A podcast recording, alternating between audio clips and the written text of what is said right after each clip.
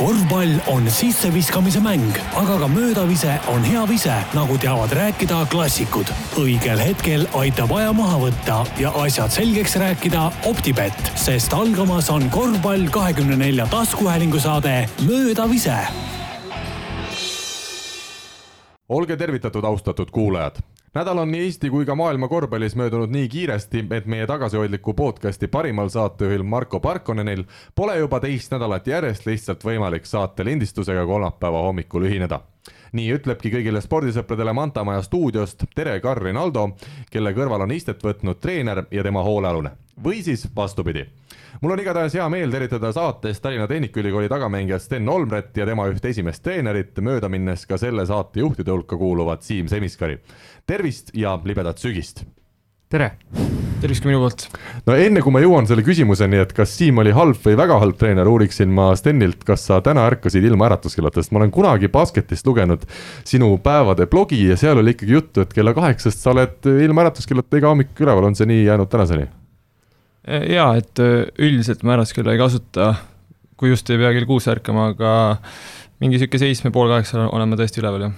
vot seda on huvitav kuulda, Siimul on nii, et ta seitsme poole kaheksa ajal tihti läheb, läheb alles magama, nii et. nii on jah, et minul see ülessaamine on ikka väga keeruline aga olge head, siis alustuseks rääkige, mis ajast te üksteist teate ja kuidas see esmatutvus sündis? no mina tean Steni sellest hetkest, kui mina olin noor kehalise kasvatuse õpetaja ja treener, tulin otse ülikoolist, läksin äh, koolist, kus ma töötasin, läksin kuuenda klassi ette, oli kuues klass vist, kui ma ei eksi.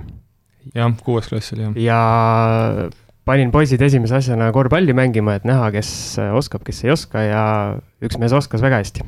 kes see üks mees oli? see istub meil siin üle laua. mida Sten, sina sellest mäletad? ja ma mäletan küll, oli, oli midagi sellist jah, et äkki äh, seal Valdeku vanas koolis vist, äh, meil oli asenduskool ja, ja väljas oli seal mingi üks korv, mille võrku isegi vist ei olnud ja seal me siis äh, viskasime vaba, vaba, vabaviskeid ja, ja jah, ma mööda ei visanud. kas ta midagi muud teile ka õpetas seal kehalise tundides või ainult korvpall oli see mäng, mida te mängisite? kuna suurem osa meie võistkonnast oli meie koolis, siis siis ega me seal väga midagi suurt muud ei teinud, eks me need koostööd asjad tegime ära, need mingid tirelid ja mis on vaja teha, aga aga suuremalt jah, tegime korvpalli rohkem. nii et vaba vise ja siis sinna vahele üks väike tirel ja jälle tagasi väljakule no,? umbes nii, jah. Äh, kas sa selleks hetkeks olid teadlik, et äh, Siim äh, nendes väga madalates liigades oli väga kõrge lennuga mees, korvpalli mõistes? ei, kui aus olla, siis ma käisin üldse jalgpallitrennis, ma olin jalgpallur, noh, mu isa mängis korvpalli, vahepeal ma käisin temaga kaasas trennis, aga ega ma mingi selles mõttes korvpallur ei olnud ja ega ma midagi ei teadnud ka sellest no väga hea, et meil täna Markot stuudios ole, et kui see jalgpallisõna juba siit läbi käis, siis, äh, siis ongi parem. Siim, ole hea, räägi, sina ka seda jalgpalli asja teadsid tol hetkel? selles mõttes, et Sten jalgpalli mängis või? jah. jaa, kuna ma kutsusin Steni oma trenni tol ajal, aga siis ma sain vastuse, et jah, et ta on FC Floras olid ja kui ma ei eksi, siis väravaht, eks. Ja siis me tegime sellise kokkuleppe, et ta küll trennis ei käi, aga käib meid mängudes aitamas ja siis nii oligi, et mees vist igapäevaselt treenis ikkagi oma jalgpallitiimiga, aga siis käis meil võistlustel abiks. nii oligi jah? nii oli jah. nii et sa oled päris algklassidest alates, sa tegelikult käisid päris mitmed aastad jalgpallitrennis? Eh, jah, läksin jalgpallitrenni, kui ma sain viieaastaseks ja kaheksa aastat äkki käisin iga päev trennis. Aga kust see korvpallioskus tuli, nagu ma saan aru, Siim ütles, et sa juba ikkagi seal kehalise tunnis andsid märku, et sa oled korvpalli varemgi mänginud? Selles suhtes jah, et et äh, kuna mu isa oli korvpallur, mu ema oli korvpallur, käisin vahel isaga kaasas trennides, ma niisama loopisin, kodus oli korv, ma ei tea, telekast vaatasin sporti, et ma pigem arvan, et see on selline, et mul on, ütleme, selline mingi sportlik ande-, andekus, et äh, ma nii-öelda suudan äh, nii-öelda kiirelt, ütleme siis asjad hakkavad kiirelt külge, just nagu sellised sportlikud asjad, et et jah, pigem on see see, et ma võin öelda kõrvalt, et kes nüüd Steni on näinud või näeb mängimas, siis eh, needsamad liigutused olid eh, juba ka seal kuuenda klassi poisil olemas, et sihuke voolav, eh, voolav põrgatus, sihuke hea viskiliigutus, et kõik need olid tegelikult juba siis olemas. aga pikk habe tuli hiljem? see tuli hiljem vist, jah selge.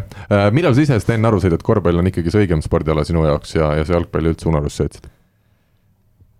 tegelikult juba enne seda, kui ma seal Siimuga tutvusin seal koolis, et äh, ma juba noh, mitte enne seda, ütleme, enne seda tekkis see indi-, indikatsioon, et, et oleks lahe mängida või et see, ütleme, jalgpall hakkas mingit pidi am-, ammenduma ja selline kerge igavus juba tekkis, et et nii-öelda otsisin vaikselt mingit uut väljakutset ja nii see kuidagi hakkas, et ja noh, siis, kui see läks vähe tõsisemaks, siis ma üritasin lihtsalt seda vähe rohkem ja paremini teha ja mingit sellist tunnet, et nüüd ma olen lõppenud korvpalli, seda, seda tegelikult ei ole kunagi olnud. aga kui sa seal jalgpallivõistkonnas mängisid ja olid väravvaht, kas sinu igavus tekkis sellest, et teie võistkond oli liiga hea ja sina lihtsalt pidid väljakul seisma suure osa ajast?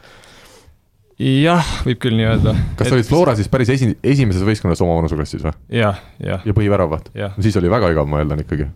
No ütleme, et oli, ma mäletan, et oli niisugune klubi Äh, no Kotkas juunior, nemad olid seal... tugevad, seal oli niisugune äh, poiss nagu Laurits ja mingi Gregor Aru ja noh, okei okay,, okei okay, kutid kõik, nendega oli tasavägine alati, vahel nemad, vahel meie võitsime, siis oli veel äh, see FC Real, kus mängisid Kevin Kauber, Martin Saar, mingisugune, mis ta nimi, ma ei mäleta enam nime, et selles mõttes kaks-kolm klubi oli, kellega oli tasavägine, aga ülejäänud me võitsime niisugune üksteist null, viisteist null, noh et kusjuures mul on siin vastupidine näide tuua, mina käisin just algklassides ühe aasta Kotkas juunioris äh, jalgpallitrennis ja, ja kuna ma olin seal ründaja ja, ja noh, me nagu, meil oli seal teine võistkond veel oma võistkonnas, siis äh,, siis äh, meil see pall nii vähe jõudis ette, vastased kogu aeg ründasid ja noh, minul selle ründ-, ründajana oli jälle selles suhtes igav, et ei, ei jõudnudki see pall minuni väga palju.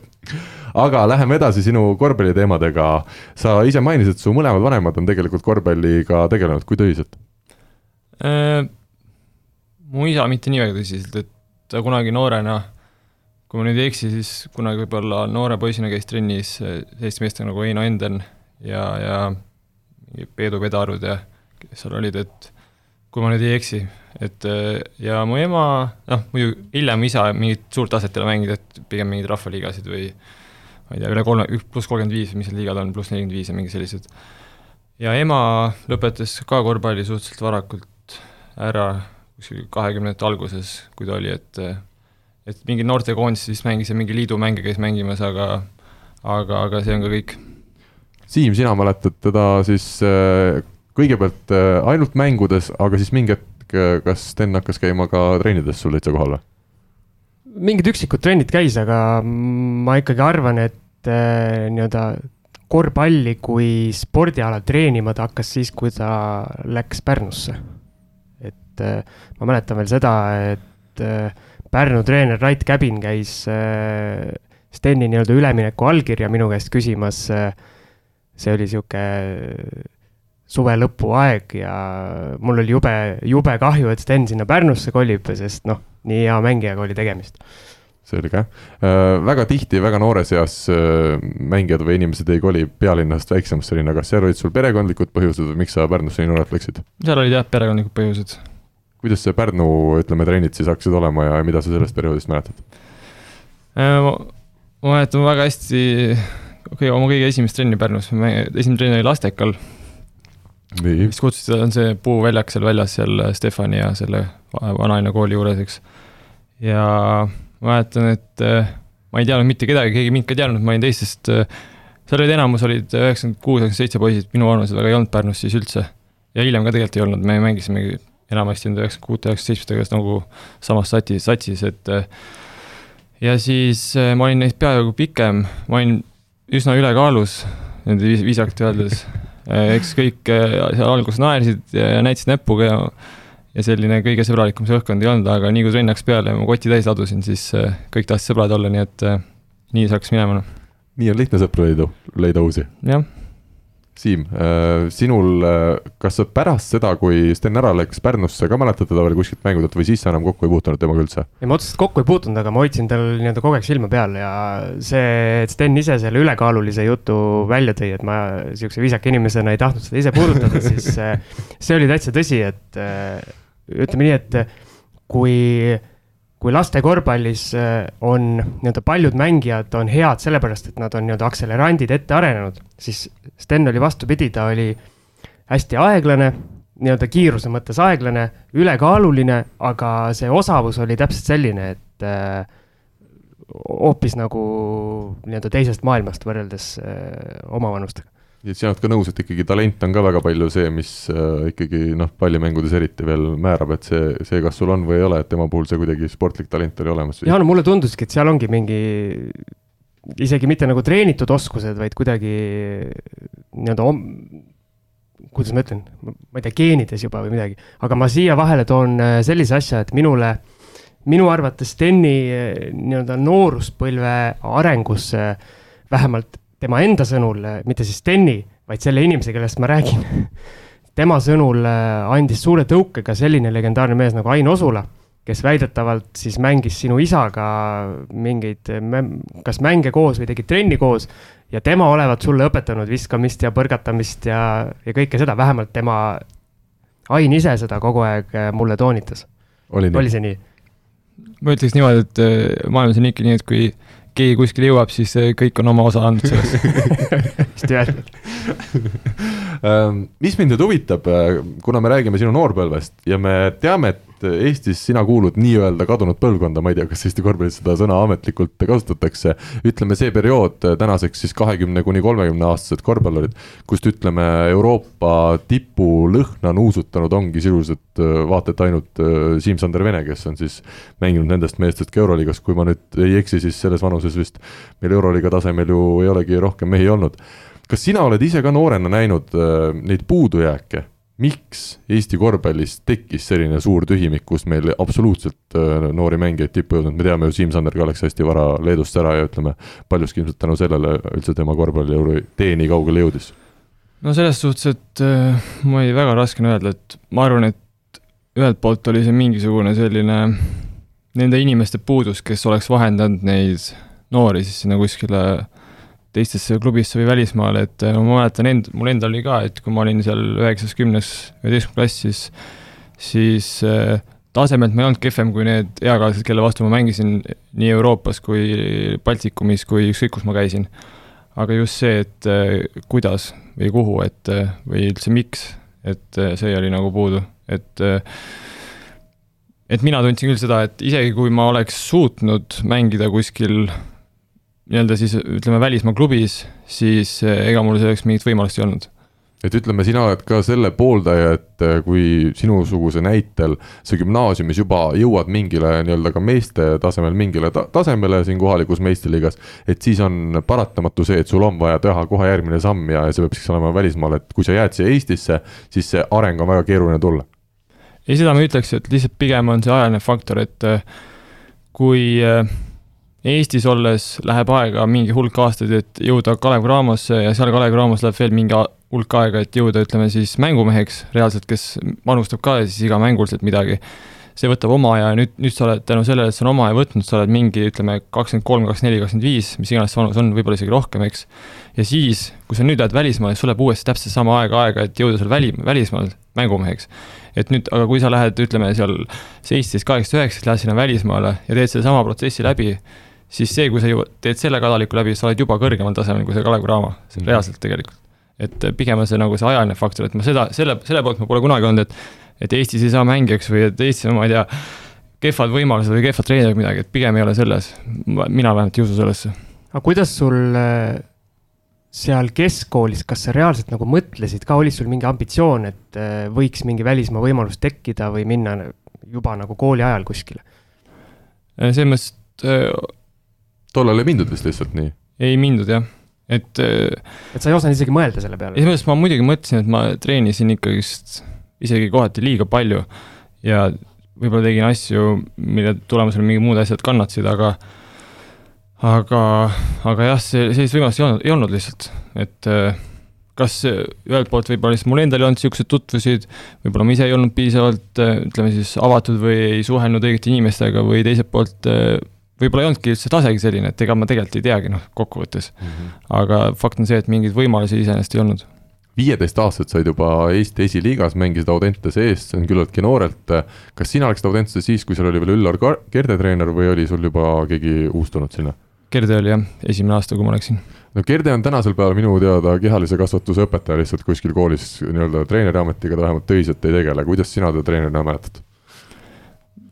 ta ütleme nii, et ta oli, esiteks ta oli väga vähe, ta oli vist ainult pool aastat just, et Pehka tuli üsna kohe ja ja tal olid mingid muud tegemised ja tal vist ei olnud väga enam seda motivatsiooni ka seal meiega mässata, et kogu see eelmine punt oli laiali läinud ja siis tulid mingid üheksakümne klassi noored poisid, et et väga raske, selles mõttes inimesena kindlasti üks äh, toetavamaid treenereid äh,, miks ta veel mulle väga meeldis, oli see, et ta on üks vähest treenerit, kes mul on olnud, kes suudab asjad äh, selgelt ja arusaadavalt lahti seletada, miks midagi tehakse, miks see mingi asi on vajalik ja kindlasti on ta ka üks treenereid, kes, kelle tänu, kellele ütleme siis tänu kellele ma üldse mängisin veel korvpalli, et et jah, kindlasti oluline, oluline inimene.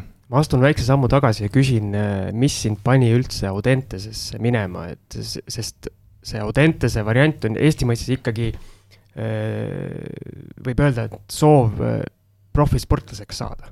et muidu ilmselt ei minda sinna no siin olid minu jaoks esmased asjad olid ikkagist äh, perekondlikud põhjused, et kuna, kuna ma tahtsin ikkagist tagasi Tallinnasse tulla, äh, kus on ikkagist mu kodu olnud terve elu, et äh, ja, ja see oli parim võimalus, et ma mingisse suvalisse klubisse, kuskile Soku klubisse või või Markusesse või kes siin olid, et ei tahtnud ka minna ja ja see oli selline hea võimalus teha kaks korda päevas trenni, pluss kool on ühendatud, et äh, et pigem see oli niipidi, et ma kõigepealt tulin Tallinnasse ja siis ma nagu leidsin endale koha. ja kui päris aus olla, siis alguses ma ei saanud siia sisse Audentesesse. et äh, jah. miks sind siis äh, nii-öelda sisse ei lastud? paremaid äh, kandidaate? jah, kui ma õigesti mäletan, siis e-maailmis saadetes oli, öeldi, et, et ei ole vastava tase, vastava tasemega siin on ju nii-öelda Eesti korvpallis on veel näiteid, kus esimese korraga on Audenteses ukse taha jäetud, ma arvan, meie kolmas saatejuht Marko Parkonen oskaks, oskaks nendest meestest nagu rääkida, et ja siis hiljem on Kaarega, Kaarega tuldud tegusid tegema. no üks mees viskas nelikümmend punkti just, kes Audentesest minema saadeti. kes see oli? no viskas siin üleeile või mis päev see oli? Nelikümmend punkti meile. aa, Gregor Hermet või? aa, kolmkümmend kaheksa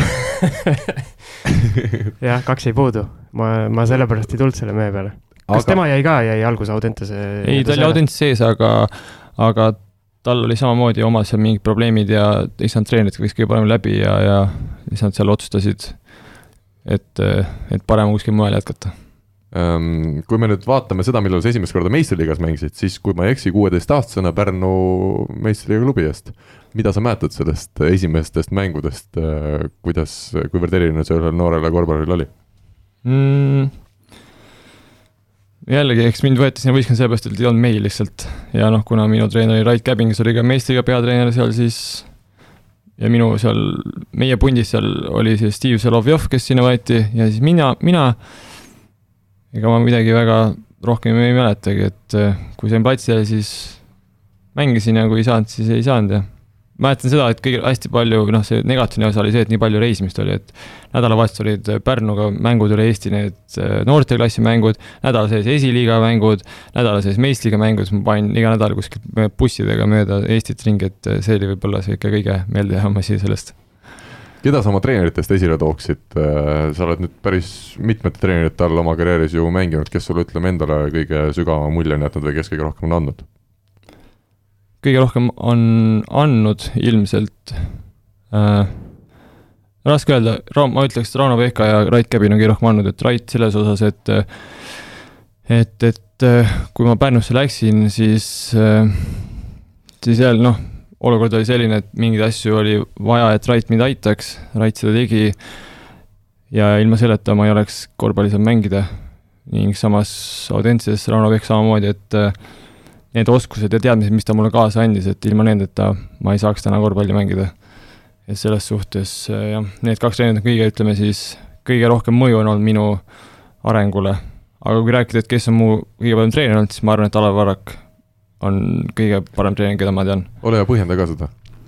see on sellepärast, et, äh, et ütleme, et mina hindan võib-olla treeni juures kõige rohkem seda, kuidas treener suudab oma ideed, oma nõudmised äh, enda alluvatele siis selgeks teha või arusaadavaks või mõistvaks, et äh, need nüansid, mida treener minult või meilt nõudis, olid selged, arusaadavad, kõik tegid ühtemoodi.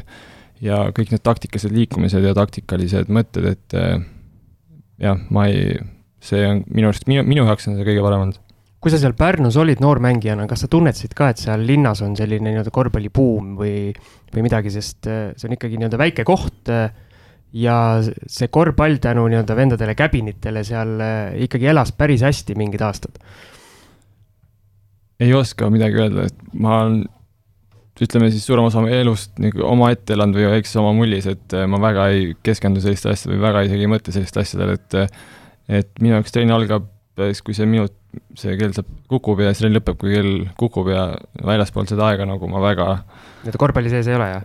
ütleme, et ma olen korvpalli sees oma mõtted küll enda tegemistega ja selliste asjadega, aga mitte selliste nii-öelda ühiskondlike asjadega, et äh, see, mis seal linnas toimub või kas korvpall on seal oluline, et see väga jah, ma ei, ei mõtle väga sellele. Mina tuleks Varraku juurde tagasi. Äh, mitu aastat sina tema all kokku siis mängisid? kaks aastat Ehm, ole hea, too midagi konkreetset, mingi näide, mis tema käe all, mida ta te, nagu tegi teistmoodi või mida ta ütles, sa ütlesid, et, et tema nagu need sõnumid said väga hästi mängijatele selgeks, et oskad sa natuke mingite näidete põhjal seda selgitada? no selles mõttes, et ühelt poolt on see võib-olla see, et kuna see oli minu, minu jaoks esimene, ütleme siis meestevõistkond, isegi mitte profivõistkond, vaid meestevõistkond, kus äh, reaalselt mängiti meeste korvpalli, et siis kõik need asjad on uued alguses, kõik see, ütleme, meeskondlik mäng, kuidas mängida ilma pallita, kuidas mängida mingid äh, kaks-kaks olukorrad, kolm-kolm olukorrad, mingid ütleme siis, äh, kuidas nii-öelda teistega arvestada, just meeskondlikult ja kõik sellised asjad, et et ütleme, nende õpetamine või, või või et kui on, ja treener ütleb, et nüüd game plan on selline, on ju, et siis miks see on selline, mismoodi seda teha, kuidas seda teha, miks, miks just niimoodi teeme, et kõik see oli nagu minu jaoks väga arusaadav ja ta nagu, tema oskus äh, asja selgitada või selgeks teha oli nagu väga tasemel. kõrvalt jääb mulje, et ta on hästi südamlik äh, treener ka ja inimene, ütleme ka mängijatele, kas äh, seda sa julged kinnitada? jah. et ta ikkagi hoolit-, hoolis sellest, mida mängijad teevad ja kas nad on ka, ütleme, vabal ajal, ütleme, rahul eluga? seda ma ei oska öelda, et jälle, eks ta väljaspool trenni me omavahel ei, väga ei suhtle, et selles mõttes ma ei tea, kas ta otseselt hoolib, aga aga seda ma, seda ma oskan, noh, julgen küll öelda, et ta äh,, teda ei jäta külmaks, mis ütleme siis tundega või emotsiooniga mängijad on, mida nad mõtlevad, kuidas nad mõtlevad, et niipidi võin küll öelda.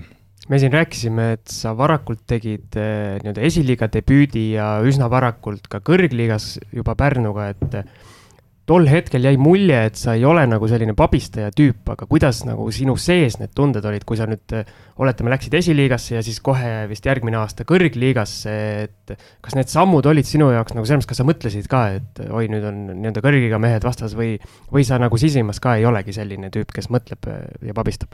mul ausalt öeldes täiesti ükskõik.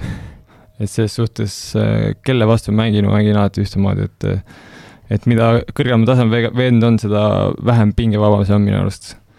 et äh, kui noh, ongi seesama, see VTB näide on hea, et kui ma mängisin veel Graamos, siis äh, kui sa oled mänginud sealt CSKA vastu, siis äh, minu arust on palju, palju vähem pinget on selles, kui minna kuskile Valga vastu, sest et esiteks sellepärast, kui sa mängid Valga vastu ja sind katab mingi suvaline Läti noor, siis ja sa mängid kehvasti, siis nagu tekib küsimus küll, et nagu mille jaoks ma seal trennis käin iga päev, eks. aga kui lähed CSKA vastu, mängid Decola vastu, ja ei tule välja, noh siis Decol ongi parem, noh. et mis seal enam pabistada siis, et siis tuleb ikka pigem täiega panna. Decolaud sa katsid siis ka ühisliigas, oli täitsa nii? ja tema sind äh,?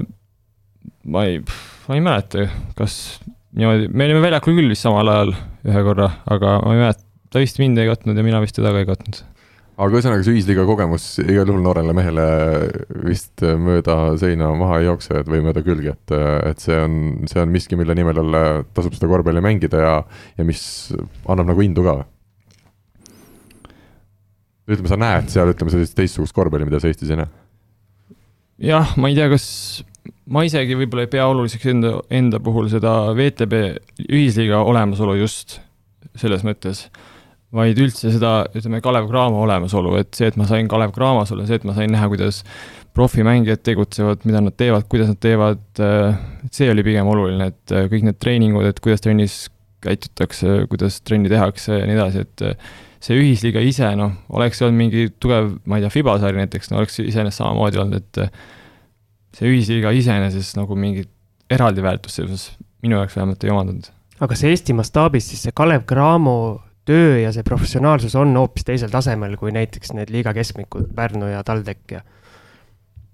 jah ma oleks ka võinud vastata sellele küsimusele, okay.. ei no selles mõttes, et ma ei oska rääkida kõik klubide eest, et äh, mina olen mänginud Pärnus see üks hooaeg, kus seal olid kõik need noored poisid, meil ei olnud ühtegi, põhimõtteliselt meil ei olnud ühtegi mingit vana, vanemat kogenud meest. okei okay,, Elgar Tammsalu vist oli seal vanem natuke või midagi, aga, aga selles mõttes see oli kogemus, treener oli veel noor sel hetkel. Ja siis nüüd on see TalTechi kogemus, et nendega võrreldes kindlasti ei ole siin midagi võrrelda, noh mina ikka tulen veel Varraku juurde tagasi, kuna tegu on Eesti ühe sellise viimaste aegade ju ikkagi kõige rohkem kõneainet ja kõige paremaid meeskondi juhendanud treeneriga. ütle, kas, kas sina, sina nägid, et ütleme, kui tuli meeskonda mingit tugeval tasemel legionär, et, et siis võib-olla tema see nõrkus oli see, et ta ei suutnud ennast, ütleme, kõigi ees kehtestada või et ta ei olnud piisavalt karm, kas, kas sina sellist asja meeskonnas kogesid, et sa tõid siin esile väga palju tema tugevaid külgi, ma mõtlen, miks ta ei ole treenerina veel ütleme, väga tugevalt läbi löönud, kas, kas seal võib olla see põhjus? väga, väga keeruline on see ütleme, see mõttekäik ise on väga keeruline, et kui sul tuleb mingisugune kõva tasemega legionär võistkonda ja sa oled kuskil suvalises Eestis, suvalises klubis maailma mastaabis, siis ilmselgelt, kui see legionär tuleb siia, kes on mänginud kuskil NBA-s või kuskil euroliiga tasemel, siis ta tulebki siia, ta arvab, et ta on kõva vend ja ta ongi tegelikult kõva vend. ja ta tuleb siia mingisse enda, enda mõistes mõttetusse klubisse, eks, et siis äh, väga raske on sellele, nüüd sellele Eesti treeneril või üks, isegi mis tahes treeneril, väga raske on nüüd panna teda kuskile raamidesse suruda, et et noh, ma ei oska, ma ei oska nagu öelda, et ma ei tea, kui Alarit, mis ta seal välismaal nüüd tegi, et et kindlasti oli, oli, oli neid olukordi, kus, kus mõni mängija võib-olla äh, tahtis nii-öelda üle astuda või midagi, aga.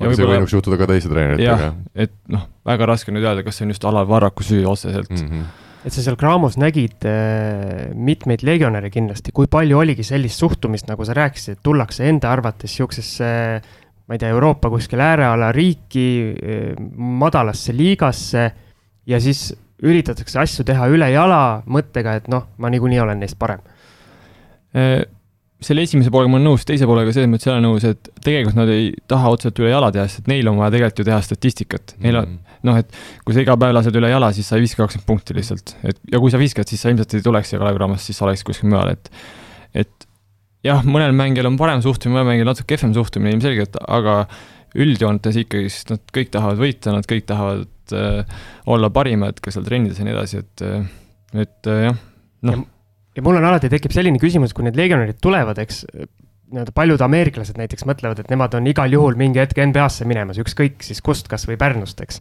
aga kui palju eh, nad mõtlevad selle peale, et need Eesti mängijad, kes siin on, need on tegelikult eestlastele vaata südamelähedasemad ja võib-olla legionär tuleb, mõtleb, et aa ah,, miks see eestlane mängib või miks ta üldse siin võistkonnas on ja niimoodi, kui palju sellist suhtumist oled sina kogenud? no eks nad, no erinevad on, et kui on mingi eurooplased, kes siin on olnud mingid horvaatlased ja kes minul oli see Telas ja Nuskele oli seal ja eurooplastest ja võib-olla mõni veel, et nemad nagu nii väga ei mõtle nii eurooplastest just, aga need ameeriklased, mõned on kindlasti niisuguse suhtumisega, et mingi kaer on siin riietusruumis, et mis ta teeb sinna. kes sinul, ütleme, kõige selline meeldejäävam meeskonnakaaslane legionäridest on seni, senise karjääri jooksul olnud? nojah, Skele ilmselt ongi, et, et jah ilmselt küll, jah. mängija omadustelt või isikuomadustelt? ma arvan, et mõlemad. et isiks-, no ütleme, et isegi mitte kumbki, et ütleme, niisugune lihtsalt karakter või isiksus, et pigem see. Ole hea, iseloomusta teda paari sõnaga. me räägime siis Armandsist, äh, mitte Aigarsist, võib-olla meil on juba nii noored korvpallisõbrad, kes ei pruugi teadagi, et selline mees nagu Armands ka oli meil siin Kalevis mm,. minu vaatevinklist oli ta väga andekas ja talendikas äh, atleet, kes, kes võis teha mida iganes vabal ajal, aga kui oli vaja mängida, siis ta mängis. Ja, ja ta... see, ja see ongi ainuke tähtis asi. ja ta armastas seda mängu ilmselt meeletult, jah? ka seda on raske öelda, aga võib-olla aga tema oli vist niisugune mees, kes veidi nagu ebastandardne tagamängija kohta, kuna tema see, ütleme, vise on selles mõttes legendaarne, et ega see väga nagu kaugelt äh, sisse ei kukkunud. sa mõtled see selja tagant vise või, see ikka kukkus, kukkus sisse kukkus, küll? aga ma mõtlen niisugune tavaline vise, et äh, kui palju sa mäletad seda, et teda nii-öelda trennis näiteks täiesti vabaks jäeti ja no mängudes niikuinii vahepeal jäeti ju? Äh, mitte kunagi ei saanud teda vabaks jätta. ei saanud, jah? ei, et selles mõttes ta oli täpselt selline mängija, kes, kelle tugevus ei olnud viskamine, aga kui vajast, viskas sisse. et okay. et see oligi selline raske olukord, et ta oli nii kiire, nii osav, et kui sa läksid talle liiga peale, siis ta viskas igal juhul sinust läbi. ja kui sa ei tahtnud, et ta läbi läheks ja astus liiga kaugele, siis ta viskas sulle, viskas ära, et äh, sest visuaalselt see vise oli, vähemalt mina, minu mälupilt on, et see oli päris kole. ega ta ei olnud jah, maailma kõige ilusam. aga selle mõttega on hea tõmmata saate esimese osale joon alla ja minna küsimusmängu juurde küsimusmängu toetaja on teamshield.com oma disainiga spordi ja vaba aja riided. nii, Siim, küsimusmäng ja annan sõna kohe julgelt sinule edasi. Äh, eelmises saates oli meil siis küla, külas legendaarne Aleksei Tammiste, kes äh, pärast oma tippkorvpalluri karjääri suurt treeneri karjääri ei teinud, aga mehel on siiski ette näidata treenerina kuulsad mehed. kuulsad mehed jah, et äh, Draamateatri võistkonnas äh, käis ta siis korvpallitarkusi õpetamas. meie küsisime, kes Draamateatri, ütleme siis spordikollektiivist, sest alguses mängiti võrkpalli, ma saan aru, kes kutsus Aleksei Tammiste nende etteotsa? Sten, mis sa arvad, oskad sa sellele küsimusele vastata? ei oska. õige vastus oli Mikk Mikiver. see käis meil sealt jutust ka läbi, õigeid vastuseid tuli täpselt kaheksa. hoop kaheksa tükki rohkem kui eelmine kord. jah, kaheksa tükki rohkem kui eelmine kord. kuigi minu meelest küsimus oli ka vähemalt kaheksa korda raskem. nojah, nii, meil on teatrisõpradest kuulajad järelikult. ju siis, jah. kaheksa tükki vähemalt, nii. Palume Stenil nüüd öelda üks number ühest kaheksani. seitse. seitse, kas sul on mingi seos number seitsmega? ei ole. ei ole, lihtsalt seitse jumal,. esimest korda on inimene, kes lihtsalt ütleb ühe Jah. numbri, mitte ei pane kuskil meeletuid seoseid siia kokku. Number seitse, Marek Saarmak võidab siis Team Shieldi erilahendusega korvpall kakskümmend neli särgi.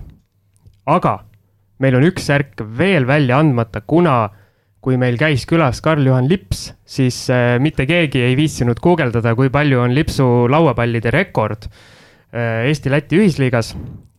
kas Sten, sina tead seda peast? ma arvan, et äh, ta vist isegi on öelnud seda kuskil. ma arvan, et kahekümne ringis. ja äkki üsna täpne vastus, sellest, sellest oleks juba särgi andnud. üheksateist äkki. täpselt näed, Sten oleks olnud särgi kandidaat, aga meie tegime Facebookis, tegime lihtsalt sellise, ei saa isegi öelda, et äh, auhinnamängu, aga palusime lihtsalt kirjutada, et mina tahan särki äh,. inimesi kirjutas sada kuuskümmend kaheksa ja Fortuna loosis välja kuulsa spordientusiasti Matis Merivee, kes saab endale samamoodi Team Shieldi äh, erilahendusega särgi. Ja nüüd on meil aeg jõudnud uue nädala küsimuseni ja Siim, sa oled ka selle meil tublisti ette valmistanud, nii et äh, huviga kuulame. jah, ma loodan, et see küsimuse vastus meil hilisemas äh, jutus välja ei tule, aga küsime siis äh, Sten Olmre koondise debüüdi kohta, mis leidis aset aastal kaks tuhat seitseteist. ja küsimus on, kelle vastu Sten tegi oma debüüdi Eesti rahvusmeeskonnas ja mitu punkti ta selles mängus viskas? Vastused info, et korvpalli kakskümmend neli punkt ee või korvpalli kahekümne nelja Facebookile ja sõnumitesse, meil on aga aeg minna edasi.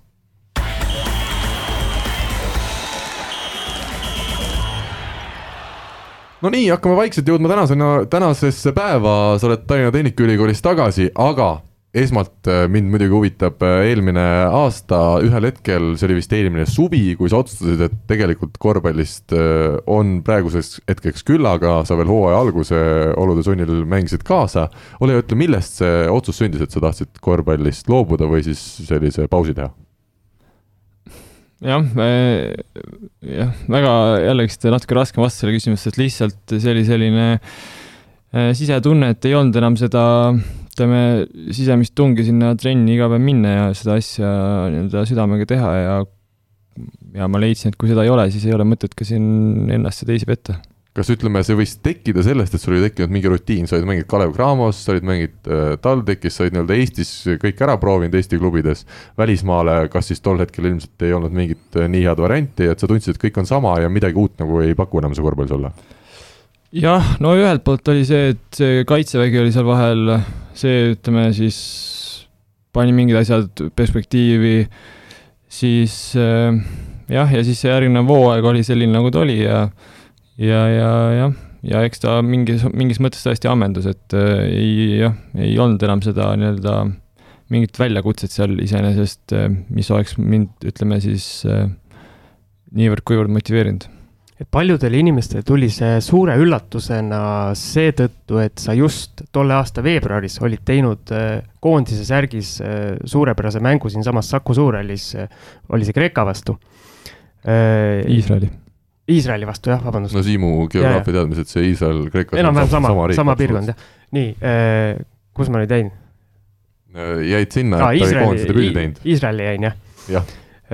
olid, ei ma ei rääkinud koondise debüüdist, ma rääkisin sellest äh, suurepärasest mängust äh,, kus sa olid meie meeskonna resultatiivsem või üks resultatiivsemaid äh,. siis tundus justkui, et see oli see koondises läbilöök äh,. samamoodi see hooaeg nagu klubi plaanis oli ju individuaalselt suurepärane. ja siis järgmisel hooajal või suvel siis tekkis see nii-öelda loobumismõtted, et eh, nagu paljude jaoks tuli see üllatuslikult, aga kas sina juba siis mõtlesid, kui sa justkui nagu tipus olid, et eh, kas hakkas see rutiin siis juba peale tulema? ei no ma mõtlesingi, et see perspektiiv, ütleme, see perspektiiv sai paika tehtud juba seal kaitseväes, et eh, kaitseväes sa olid siis aasta varem või? ei, ma olingi just enne seda hooaega suvel, et terve suvi ja. ma sain sealt vist mingi septembri, ma ei tea, kolmas nädal või mis ma sealt välja sain ja ja ütleme, see hooaeg oligi, et sealt otse niimoodi kuskilt metsast tulin ja tegelikult see hooaeg ei olnud hea, et me ju vist jäime viimaseks siis isegi võistkondlikult ja mul lihtsalt endal ka nii-öelda isiklikus plaanis ta oli kõvasti kehvem kui eelmine hooaeg, et, et igal juhul tegelikult see ei olnud hea hooaeg. ja see, et need koondisasjad olid, ja eks see mingis mõttes tunnust, tunnustav oli kindlasti ja ja tore, et välja tuli ja selles mõttes mul on hea meel, aga see mingit, ütleme siis, see midagi ei muutnud ka otseselt palju sa välismaalt äh, variante otsisid üldse, oled sa, oli sul nagu selge plaan, et nüüd tahaks minna ka välismaale mängima ja kas tuli mingeid konkreetseid pakkumisi kuskilt või? tegelikult selle eesmärgiga ma üldse TTÜ-sse või noh, sel ajal veel TTÜ, TTÜ-sse läksin. ja peale seda mul olid ka palju pakkumisi ja mul, ma olekski läinud, kui poleks seda kaitseväge tulnud, et äh, pärast enam, pärast seda järgmist hooaega enam ei olnud neid mõtteid, et äh, siis olid juba, juba muud mõtted kui sa mainisid siin, et välisklubides tunti huvi, ole hea, räägi, mis tasemelt umbes see huvi tuli? Äh, ütleme siis tasemelt, äh, eks need põhilised kohad ikka olidki need Hispaania esiliiga, Prantsusmaa esiliiga, Saksamaa esiliiga, äh, Rootsi klubist tehti pakkumine, kes mängis seda Fiba, mis on siis teine tasemega sari äkki või? ma ei teagi, neid on nii palju juba, et me ka Siimuga kõiki täpselt enam ei mingi korraliku tasemega Fiba sarja mängisid jah, et neid pakkumisi oli nagu palju, et no see oli ka tõeliselt hea hooaeg, et selles mõttes just statistiliselt, et noh, see lõppkokkuvõttes müüb. aga kaitseväest ära kuidagi ei saanud, jah? ei saanud. nii et tuli minna? tuli minna. aga nüüd jõuame siis sellesse hetke, kui sa olidki selle otsuse teinud, mis sind siis edasi ootas, mis sa selle vahepealse aasta jooksul tegid? kõike, mida ma viimased, mis see on siis, kakskümmend kolm aastat ei ole saanud teha. ehk siis peamiselt? Absoluutselt kõike, et äh, suurema osa ajast ma elasin üldse Soomes ema juures ja ja seal, no mu ema elab väga kaugel, elab seal Lapimaal, et äh, seal on väga palju toredaid asju, mida teha. jõuluvana ja päkapikud ja lumesaan ja no, me olime veel kaugemal, et seal olid hästi palju mägesid ja suusatamist ja laskumist ja et sa pigem siis nautisid elu vahepeal, võtsid aja maha? jah. ja see oli siis terve aasta või sa mingi hetk tulid tagasi Eestisse? Eestisse ma tulin tagasi sel suvel ehk siis pool aastat umbes. ja kas sel ajal siis, selle ajaga sa olid nii-öelda jõudnud jälle mõtlemiseni, et, et see korvpall ikkagi pakub sulle midagi ja sa tahaks veel proovida? no selles suhtes jah, et äh, kuna me naisega otsustasime, et me tuleme tagasi Eestisse, oleme siin Eestis, tal on siin mingeid oma asju vaja ajada, mina saan kooli ära lõpetada, ilmselt, kui hästi läheb, ja siis äh, ütleme, et äh, korvpall ja kool on lihtsam ühendada kui ja ütleme, vähe tasuvam, kui minna mingit tööd tegema, et äh, et eks ta nii on. mida sa õpid täna? Äh, õpin hetkel majandusteaduseid. ja mitmes aasta siis või kaua sul jäänud on, justkui viimane peaks äh, olema? ise, ideaalse plaani järgi poolteist aastat jäänud. kas majandus on see, mis sulle tõesti siis nii-öelda ka pakub meeletut huvi praegusel hetkel? seda ma päris ei ütleks, aga ütlen, et ta on kasulik. kui sa nüüd Eestisse tagasi tulid, sa ütlesid, et sa tahtsid nii-öelda korvpalli õppimisega ühendada, et kas see tähendab, et TalTech oli sinu ainuke variant nagu korvpalli jätkamisel või oli mingeid muid asju ka laual? otseselt mingeid pakkumisi ei olnud, aga, aga no, nagu ma olen ka Raidule, Scabini alati öelnud, et siis Eestis välja arvatud Kalev Cramo ei ole ühtegi klubi, kus ma mängiks, välja arvatud TalTech. Need on samad sõnad, nagu minu meelest kogu aeg Joonas Järvelainen ütleb, et kui ta Eestisse mängima tuleb, siis ta mängib ainult TalTechis. jah palju sa nüüd, ütleme, palju on muutunud sinus endas selle vahepealse aasta jooksul, kas sa nüüd teed kuidagi trenni teistmoodi, vähem, rohkem või on kõik, ütleme, põhiasjad ikkagi samamoodi või? võrreldes eelmise aastaga kindlasti paljud asjad paremaks läinud, aga üleüldises niimoodi pikas plaanis vaadates, siis eks ma enam-vähem teen nii, nagu ma kogu aeg olen teinud, et mm -hmm. üritan need asjad nii-öelda joone peal hoida. kaks korda päevas saad trenni teha enamjaolt või? Ehm, enamasti mitte isegi tegelikult, et see aasta on, kuna me käisime seal Hiinas ka, olime kuu aega Hiinas, et siis eh, pani ka koolis niisuguse korraliku põntsu, et eh, nüüd on vaja asju nii-öelda järgi teha ja vaikselt hakkab see tagasi sinna joone peale asjad saabuma, et, et mida aeg edasi, seda rohkem võimalik ka hommikuti käia.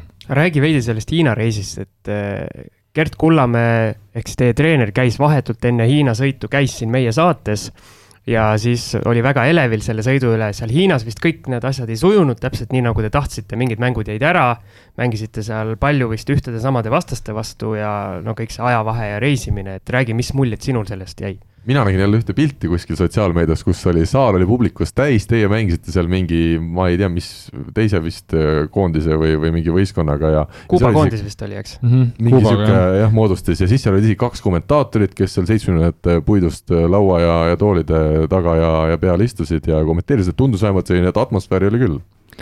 Äh, jah, ma võib-olla kirjeldaks seda niimoodi, et kui äh,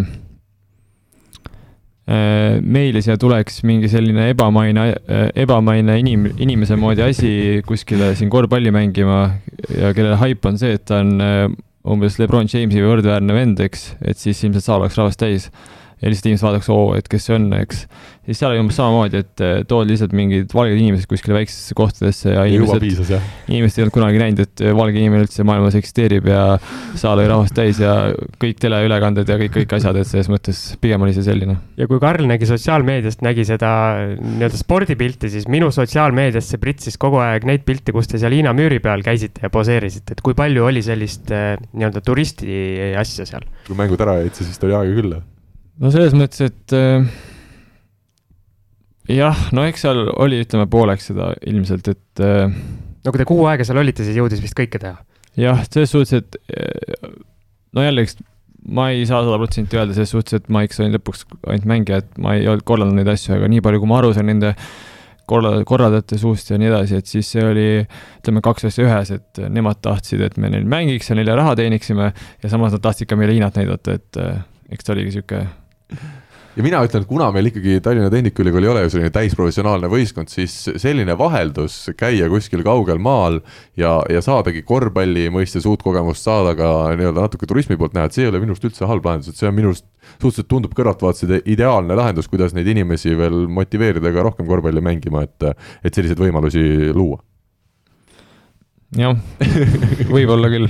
aga kui palju see reis ja kõik see ajavahe ja see taastumine kui palju see teie hooaja algust reaalselt mõjutas, et eh, mitmed su meeskonnakaaslased on mulle öelnud, et eh, alguses oli ikka päris raske sealt nii-öelda sellest reisist välja tulla? no eks ta muidugi oli raske, et eh, jah, üks asi on see ajavahe ja need pikk see lennureis ja meie, meil need viimased kaks-kolm päeva olid ju sellised väga unikaalsed ka, et seal oli see orkaan või mis seal oli, see Shanghais, need tormituuled ja asjad, et me ei saanud sealt nii-öelda eelmisest linnast siis lennukiga sinna maanduda ja siis kõik see asi käis nii-öelda sellises äh, jadas, mis ei pidanud olema tegelikult niisugune üks jada, et äh, ei pidanud olema nii, et lennuki pealt maha jookseme järgmise lennuki peale, nii et, et selles mõttes, aga jah, oma asja, oma oli näiteks ka see, et meil oli seal vähe trenne ja palju mingi bussidega sõitmist ühest linnast teise, et seal on ju linn, noh, riik on nii suur, et kui sõidad ühest linnast teise, siis alla kolmesaja kilomeetri ei ole mõtet nagu arvutada, et et noh, ja isegi Shanghais, et kui sa sõidad Shanghais ühest kohast teise, siis alla kahe tunni ei ole mõtet jällegi mõelda, et noh no, tule... kõik, kõik asjad jätavad oma jälje lõppkokkuvõttes. tuleme siis sinu tänavuse hooaja treeneri juurde, Gerd Kullamäe juurde, kuidas sina teda treenerina hindaksid või, või iseloomustaksid? no me oleme tegelikult ju üsna vähe veel koos olnud, et et eks me õpime alles üksteist tundma ja tema õpib meid ka kollektiivina tundma ja meie teda ja ja tal on omad mingid nõudmised ja ettekujutused ja meil on omad, et eh, eks see võtab natuke aega ja, ja võib-olla meie mängijatena, ka mina mängijana, võib-olla me ei ole veel nii eh, professionaalsed või me ei ole nii, ütleme siis head mängijad, et me suudame võib-olla kohaneda kõikide asjadega nii libedalt kui võiks või peaks. Et äh, eks need asjad võtavad natuke aega ja võib-olla natuke rohkem, kui võib-olla isegi arvaks. et teil TalTechis on, kui me jätame Levi-Martin Kiisi välja, kes ka võib juba öelda, et on nii-öelda pooleldi eestlane peaaegu, eks, siis teil on Eesti tiim ja üsna hea tasemega Eesti mängijad, et kas see võiks saada teie plussiks, et äh, nii-öelda võib-olla varasemalt juba kokku mänginud mehed, kõik on eestlased, kõik saavad võib-olla paremini üksteisest aru jah, võib-olla mingil määral küll jah, ma ei isegi, ma ei tea, ma ei, ma võib-olla ise, ma olen nii palju erinevates võistlustes mänginud, et ma võib-olla ei tähtsustaks üle seda, et kokku mängin seda asja, et eh, pigem on ikkagi see, et tulebki näiteks noh, tuleb uus treener või tulevad mingid uued mängijad, et siis sel mängijal omad mingid nüansid, mis ta teeb teistmoodi, treeneril omad mingid nüansid, mis ta soovib või tahab näha teistmoodi, et eh, et ja siis lõppkokkuvõttes oleneb ikkagi tasemetest, et eh, erinevatel mängijatel on erinev tase ja nad suudavad kohaneda uute asjadega erinevalt, et eh, pigem tuleb sellest kokkuvõttes, et see, et nüüd meil see Eesti, Eesti poisid seal on, noh, see meile seal tabloole lisapunkte ei anna ilmselt. ma just küsingi siis selles plaanis, et äkki see on nii-öelda nagu ajakirjanike ja fännide poolt ületähtsustatud, et kui legionär tuleb kuskile võistkonda, et siis on nagu, tuleb ta hullult sisse sulandada ja niimoodi, et kui nii-öelda viis meest korvpalliväljakule astuvad, et kas see ongi, vahet pole, oled sa ameeriklane, horvaat või eestlane ei no rahvus kindlasti ei, ei olene, aga nende ameeriklaste puhul võib-olla ainuke asi on see, et äh, nad on lihtsalt terve elu täiesti teistsugust korvpalli mänginud.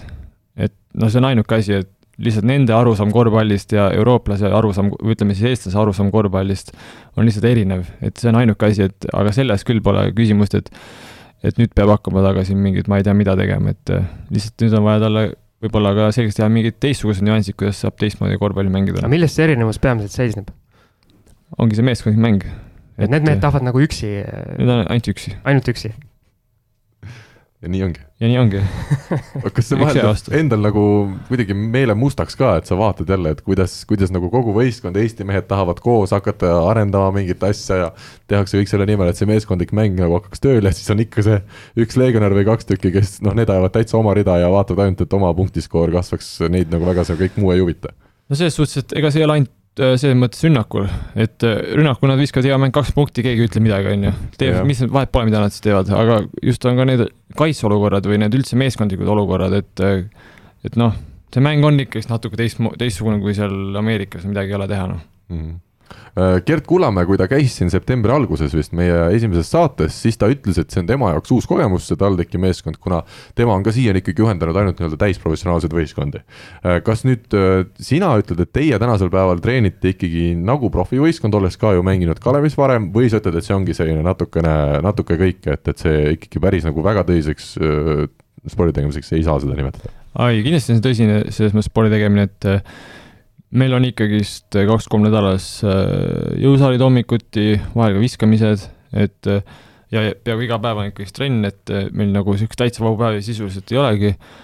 aga pigem on ka küsimus selles, et kui paljud mängijad kuhugi jõuavad, et noh, et vaatame näiteks Gregor käib siin tööl, eks hommikuti tavaliselt ei saa käia, minul on olnud pärast Hiina reisi väga palju hommikul just neid koolitunde, mõne, mõnel vennal võib-olla veel, on ju et selles mõttes küsimus on võib-olla pigem selles, et kui palju me jõuame sinna, aga iseenesest see tingimus on tagatud, et me saame teha nagu heal tasemel trenni, treeninguid.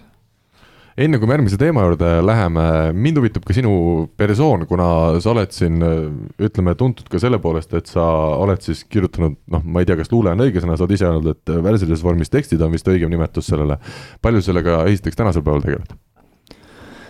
Ehm, selles mõttes, et ma ei keskendu sellele, et ma nüüd teen seda või noh, vahel midagi võib-olla kirjutan ja siis jälle ei kirjuta ja eks ta nii ongi. et see ikkagi käib sinuga kaasas, see ei ole kuhugi kadunud? jah. Äh, ma ei ole su seda teost Planeet Orjus küll lugenud, aga ma tean seda sisu poolt, kuna sa oled seda ise kuskil kirjeldanud, äh, et sa räägid seda sotsiaalmeedia sõltuvust ja, ja sellest, et, et kui võlts tänapäeva maailm paljuski on mind lihtsalt inimesena see teema väga huvitab, kuna ma selle ise, iseenesest selle mõttejõuga olen väga, väga nõus, kas sa siin vahepealse aja jooksul, noh, sa ju avaldasid selle vist mõned aastad tagasi mm., oled sa midagi nagu jõudnud edasi mingile arusaamale või kuidagi arendanud seda mõtet või? miks see nii on või on midagi muutunud või paremaks läinud või halvemaks läinud, kuidas see ühiskond muutub? ei, selles mõttes, et äh, see on ju paratamatus, et äh, see lihtsalt käib meiega kaasas ja, ja ütleme, liigselt võib-olla keskenduda sellele ei ole ka väga arukas, et et eks see sotsiaalmeedia asi või ütleme, see paralleelmaailm on nagu ta on ja ega võib-olla ise ka ei taha ju, noh, ütleme, et oleneb, oletame, et ma tahan panna näiteks Instagrami mingit pilti, videot, on ju, noh, siis ma ei pane ju videot sellest, kus ma mööda viskan, ma panen ikka sellest, kuidas ma selle sisseviske teen, on ju, aga inimesed ei näe, et ma olen teinud ka võib-olla sada möödaviset või mida iganes, on ju, et mm et nii käib ka iga asja kohta, et äh, mõnes mõttes on see paratamatus. ja tegelikult ma arvan, et tänapäeval või ütleme, mida aeg edasi, seda rohkem tuleb ka ütleme, teadlikkus sellele, et need asjad ei ole kõik nii ideaalsed, nagu seal tundub ja need pildid ei ole nii ideaalsed ja kõik on töödeldud ja kõik on noh, et et inimesed on ikka inimesed ikkagist, et et see võib olla ka mingi vaheline lihtsalt selline periood või selline hullus, et, et ma usun ka, mulle tundub, et ma arvan, et mingil hetkel see läheb üle ja inimesed jälle nii-öelda hindavad üksteist natuke teiste asjade järgi, kui see, mitu laiki sul kuskil Instagramis on. Äh, mina arvan, et see ei lähe üle. mina arvan, et see läheb aina sügavamaks, ütleme, süveneb. et äh, pigem me hakkamegi varsti elama ainult äh, selliste likeide maailmas et praegu veel on selline, sul on veel võimalus valida, et kas sa elad Instagramis või sa elad nagu päris maailmas, siis ma arvan, et varsti enam ei ole võimalust valida. see asi läheb hulluks siis, kui eh, Siim Semiskar teeb Instagrami konto endale no loodame, et seda õnnetust ei juhtu, aga, aga kusjuures ma lugesin, et Facebook, kes siis vist on ka Instagrami tänapäeval omanik, et nemad plaanivad ikkagi selle asja muutuse näiteks teha, et neid vist like imisi või asju, et et neid sa ei näe enam, sa näed küll, kes on like inud, aga seda arvu sa ei näe, et natukene nagu võttagi seda hullust maha, et et nagu noortel paistabki olevat teismelise eas, et kui sul on kolmsada mingit jälgijat kuskil, siis sa oled kõvem tegija kui see, kellel on sada tükki. aga küsimus on selles, et kes ei näe et ja. sa, kui mina lain sind, siis sina näed, et mitu laiku sul on. selles mõttes on ju ka ju igasuguseid filme ja raamatuid kirjutatud sellest, kuidas äh, äh, aastate pärast ju inimesi võetakse tööle selle järgi, mitu laiki neil on näiteks või ja. milline on nende sotsiaalne tase ühiskonnas, et mm. -hmm. me siis Karliga ilmselt tööle ei saaks enam. jah no aga õnneks meil on oma töökohad olemas, me oleme ise need endale tekitanud tänasel päeval. aga ma küsin, Sten, sa oled nii-öelda välise imitsi poolest ka nagu hästi silmapaistev, see habe ja siis tätoveeringud, et kuidas äh, need tulid, äh, on seal mingi, mingi taustalugu või see on lihtsalt äh, nii-öelda tunde küsimus? kuule, see on normaalne, mehel on habe minu arust, kui mehel on loodud, et on habe, siis see peabki kasvama tal, miks, miks seda iga päev ajama peab? lase nüüd inimesel vastata ütleme, et jah, habeme puutub siis äh, ühelt poolt see meeldib mulle, ühelt poolt on see laiskus, et no kaitseväes ma kaks korda päevas no ei viitsi ajada habet, eks, et et ühelt poolt on see, mis puudutab tätoveeringust, siis lihtsalt samamoodi, et see on lihtsalt meeldimise küsimus, et mulle lihtsalt meeldis ja ma lihtsalt tahtsin neid, et äh, siin mingit sügavat tähendust ei ole asjadel. väga hea, moenurk Siimu esituses on jälle läbi saanud ja meil on aeg minna järgmise teema juurde. mängija profiil, üks inimene, erinevad vaatenurgad mängija profiilis oleme sel korral võtnud siis äh, kõne alla sellise mehe nagu Gregor Arbet, ähm, kes siis tänasel päeval on sinu meeskonnakaaslane te Tallinna Tehnikaülikooli võistkonnas, aga varasemalt oled sa temaga Kalev Cramos mänginud. Ähm, ole hea, ütle, kuidas sinule meeskonnakaaslane Gregor on läbi nende aastate tundunud, milline mängija ja milline isiksus ta on? Äh, minu jaoks täiesti ideaalne meeskonnakaaslane, et äh, meeskonnakaaslane, kes äh, ajab oma asja, teeb seda hästi, on hea mängija, on hea, kui talt midagi küsida, ta alati vastab ta aitab, ta ei, ta juhendab, ta toetab, eriti kui ma Graamos läksin täitsa noor olin, ta ei sega kunagi vahele, ta ei ole väga selles mõttes jutukas ja lärmakas, et ta teeb oma asja rahulikult, professionaalselt ja kui vaja, siis ta aitab, et, et mina, mina, minu jaoks täiesti ideaalne, ideaalne nagu võistkonnakaaslane. mis tema tugevused mängijana on või, või olid? ma loodan ikka, et on jah, et äh, jah, ilmselt see, ei tahaks öelda, aga ilmselt on see, selles mõttes ei tahaks öelda, et see on kuidagi nii, kõik ütlevad seda, aga eks see kaitsemäng ja selline mängust arusaamine on, et et jah, mitte ainult see üks-üks kaitsemäng ja mitte ainult see, et ta peab kogu aeg vastase parimaid taga ajama, aga just see, mis ta võistkonnale juurde annab, see, kui tema on väljakul ja ta on seal, seisab seal käed laiali, et et tema lihtsalt see kohalolu on nagu ülioluline, eriti meil praegu seda TalTechis, aga seda oli ka Graamos tunda, et tema see väljakul olemine oli tähtis ühtpidi Gregorist räägitakse just nagu meeletult healt, heast kaitsemängijast, mis eeldab seda, et ta teeb meeletult kõvasti tööd, eks ole, nii väljakul ka, kui ka ütleme igapäevaselt trennis. miks eeldab seda? Äh, et kui sa kaitses hästi mängid, kaitses ju peaks nagu justkui kõvasti rabelema ja, ja seal nagu jalga sirgeks ei saa lasta või? Äh, ma ei tea, on ju ka näited, kes võidab maratoni ja ise ei ole ju ühtegi maratonitrenni teinud okay.. et see ilmselt, noh, selles suhtes, et ei, ma olen selles mõttes muidugi nõus, et peab muidugi tööd tegema ja väljakul, kui sa mängid kolmkümmend viis minutit, siis ei ole võimalik, et sa ei tee tööd, aga, aga ilm... saab ka targemalt mängida. jah, et pigem on see, et ei olegi vaja rapsida kogu aeg, et, et Gregori puhul ongi see, et tal on juba see kogemus kõik olemas, et kui Gregorit vaadata trennis või mängus, siis ei ole seda, et ta kuskile tormab või rapsib midagi, et ta seisab alati õige koha peal, teeb, nii-öelda tegutseb targalt, et et jah, nii ongi. nüüd minu küsimuse teine pool oleks see, et ma olen ikkagi kuulnud, et äh, Gregoril on nii kõvasti talenti olnud, äh, ütleme korvpallurina, et ta võinuks jõuda veel kaugemale tänu sellele, millised, ütleme, gabariidid tal on, milline tehniline osavus, milline vise. kas äh, seda, selle poolega sa oled ka nõus, et tegelikult Gregoris oli, on või oli veel rohkem nii-öelda potentsiaali sees sa oled ma... võib-olla liiga noor veel selle ütlemiseks. ei, ei, mitte seda, ma ma ei tahaks nii öelda, et kui ta oleks midagi teinud, siis oleks olnud, et seda ma ei taha öelda, aga mida ma arvan, on see, et äh, Gregor lihtsalt sündis vales, vales riigis. et äh, Gregor on, Gregor, tema võib-olla oskused või võib-olla isegi ka tahtmine, ma ei tea seda, selles mõttes ma ei ole temaga kunagi sellest rääkinud, aga mina vähemalt näen seda nii, et need ei ole nagu sellise superstaari omad, et ta võib-olla isiksus ei ole ka selline, et ta tahaks visata kolmkümmend punkti iga mäng ja teha mingit triple-double'id ja nii edasi, et äh, ta on selleks võib-olla võimeline, aga noh, ta lihtsalt ei ole selline. see on puhtalt minu arvamus, aga et äh, ta on ideaalne rollimängija, ideaalne mängija, kes mängib sul kolmkümmend minutit, teeb kõik asjad korrektselt ära, võtab vastase mehed kinni, viskab oma viisteist punkti ära, võtab oma seitse lauda ära, eks. et oleks ta mingi serbla olnud, siis ilmselt ta oleks väga, väga kõva mängumees, noh. selge, Siimul siin lisaküsimusi ei ole?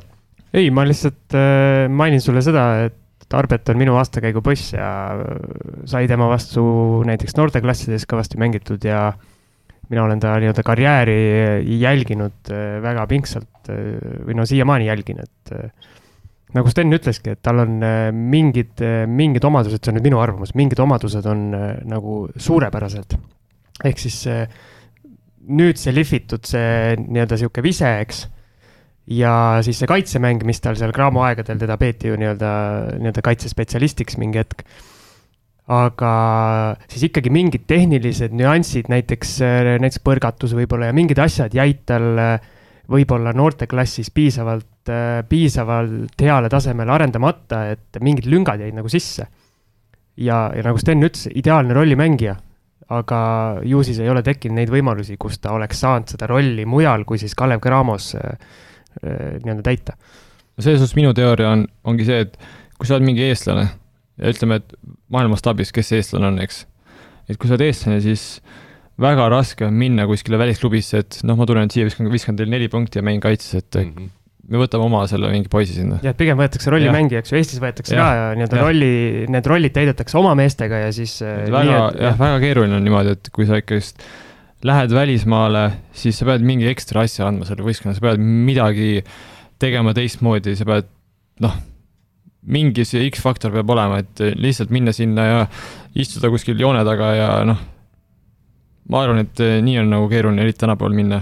ja aga samas üks, üks nii-öelda teine näide on just Arbeti eakaaslane Kristjan Kangur, kes ju oma karjääri tegi ka nii-öelda rollimängijana suurepärase kaitsjana, aga seal oli vahe see, et tema oli nii-öelda korvialune mees, et äh, neid on ilmselt rohkem puudu ja ma usun, et see kanguri kaitse mingil hetkel oligi täiesti Euroopa eliit nagu jah, aga ka Kangur oli ju selles mõttes, et äh, ta läks ju ka hästi, et, et ju siin nagu ta, ma mäletan seda isegi, kui ta mängis selle Asveliga seal, ma mäletan, meil kuulasin raadiost Tarmo Tiisleri ülekannet sellest mängust. me kõik vist kuulasime, jah. et äh, et ta mängis ju seal hästi ja ta sai selle lepingu sinna Asveli, eks. ja tal läks seal ka hästi, et tegelikult ta ei olnud ju ainult selles rollimängija, et eh, jah, ta ei olnud ka superstaar võib-olla, aga ta ei olnud ka sihuke, et viis punkti ja kolm lauda, on ju. ta oli ikkagi korralik mängija, ta oli vajalik mängija, ta oli tähtis mängija selle võistkonnale. ja kui ta läkski sinna Itaaliasse, siis esimesed kolm mängu ta viskas ju mingi peaaegu kakskümmend punkti kõik mängud, et mingi neli-viis kolmest seal mm -hmm. ja mhm. mingi, et eh, tal õnnestus ka hästi ja, ja kui sa ütleme nii-öelda lood nii-öelda inimestele mingi hea ettekujutuse endast või hea pildi endast, siis on ka lihtsam hiljem neid asju teha, et.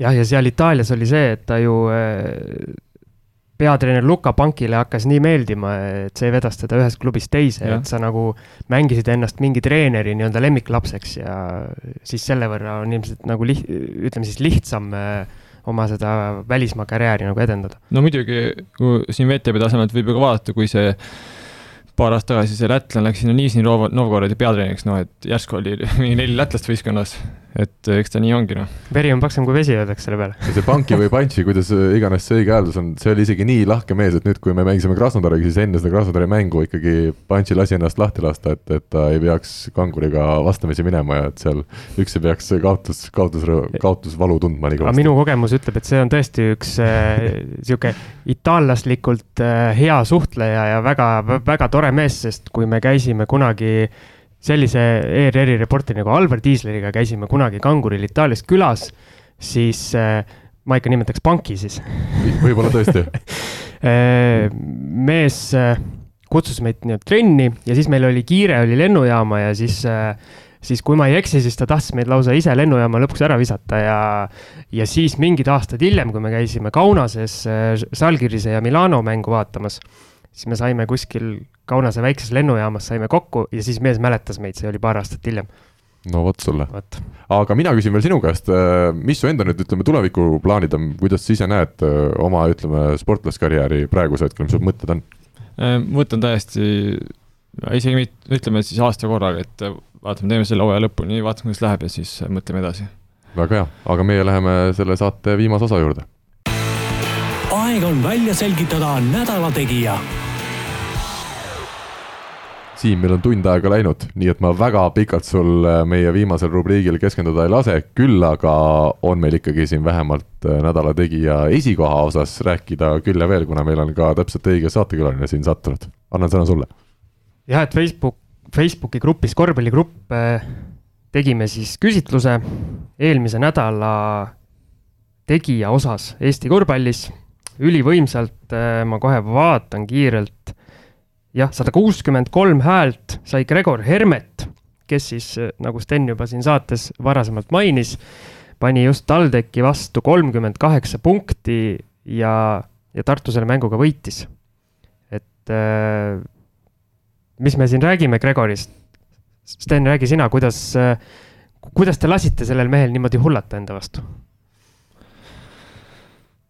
jah, noh jätsime kõige raskema osa saate lõppu. ei, selles suhtes, et, äh, et äh, nende selliste, ütleme, võistkonna liidritega on niimoodi, et äh, kui lased neil esimese kahe minutiga kümme sanga visata, siis ilmselgelt midagi head enam juhtuma ei hakka, et, et noh, paneb ta siis need lauapõrkes sealt neid kolmesid või paneb ta seal korvi alt või mingi fadeaway's või mida iganes ta siis neid paneb, aga kui on tunne käes, siis, äh, siis saabki neid sisse visata. ja kui ma ei eksi, siis äh, sellest kolmekümne kaheksast punktist oligi kaks konkreetselt lauapõrkega. kolm või neli oli lauapõrkega. aa, nii palju lausa jah, siis mul jäid mõned vahele, et äh, need on vist siuksed visked, mis on nagu nii-öelda rohkem õnnevisked või nagu sa ütlesid, et kui hakkab minema, siis lihtsalt hakkab minema. no Joonas ütles, et tuleb kast sisse visata, siis läheb sisse minu küsimus on äh, see, et, äh, et kas nüüd Gregor Hermet on palju edasi läinud tänavusel hooajal, tal ka keskmised näitajad Eesti liigas on ju päris korralikud. või on lihtsalt Tartu meeskond äh, hetkel nii kehvas seisus, et neil ei olegi nii palju paremaid mängijaid ja, ja Hermet peabki lihtsalt olema see mees, kes veab ja, ja need punktid mingid vähemalt ära toob? ma arvan, et siin võib paralleeli tõmmata minu esimese hooaega TalTechis, et ilmselgelt Gregor on andekas mängija, ta on seda kogu aeg olnud, et nii pikk olla ja ütleme, et rohkem tagamängija mentaliteediga kui korvialuse mängija mentaliteediga, et äh, lihtsalt nüüd on tal antud suurem nii-öelda roll ja ta on seda hästi ära kasutanud, et ega siin muud ei olegi midagi. minule tundub, et Hermetist on, on arenemas, ma ei tea, kas ta ise sellega nõustub või ei nõustu, on arenemas äh, otsene järglane Reinar Hallikule, kes äh, nii-öelda pika mehena äh, saab ühel hetkel, ma loodan, äh, koondise tasemel just täpselt sihukeseks meheks, kes tuleb väljakule ja paneb need nii-öelda kolmesed kotti ja siis võetakse rahulikult jälle välja. asendab siis Kitsingut või? no Kitsing on natukene, jah, võib isegi öelda, et on nagu samasugused mängijad, aga Hermet mulle tundub, on nagu rohkem Halliku moodi, kuna tema see nii-öelda liikumine väljakul jätab nagu siukse Reinarliku, Reinarliku mulje. Ma arvan, ma võib-olla nüüd Gregor ise nagu sellega ei lepi, et ma niimoodi iseloomustan teda, aga mul kõrvaltvaatajana nagu tundub. oled sa nõus?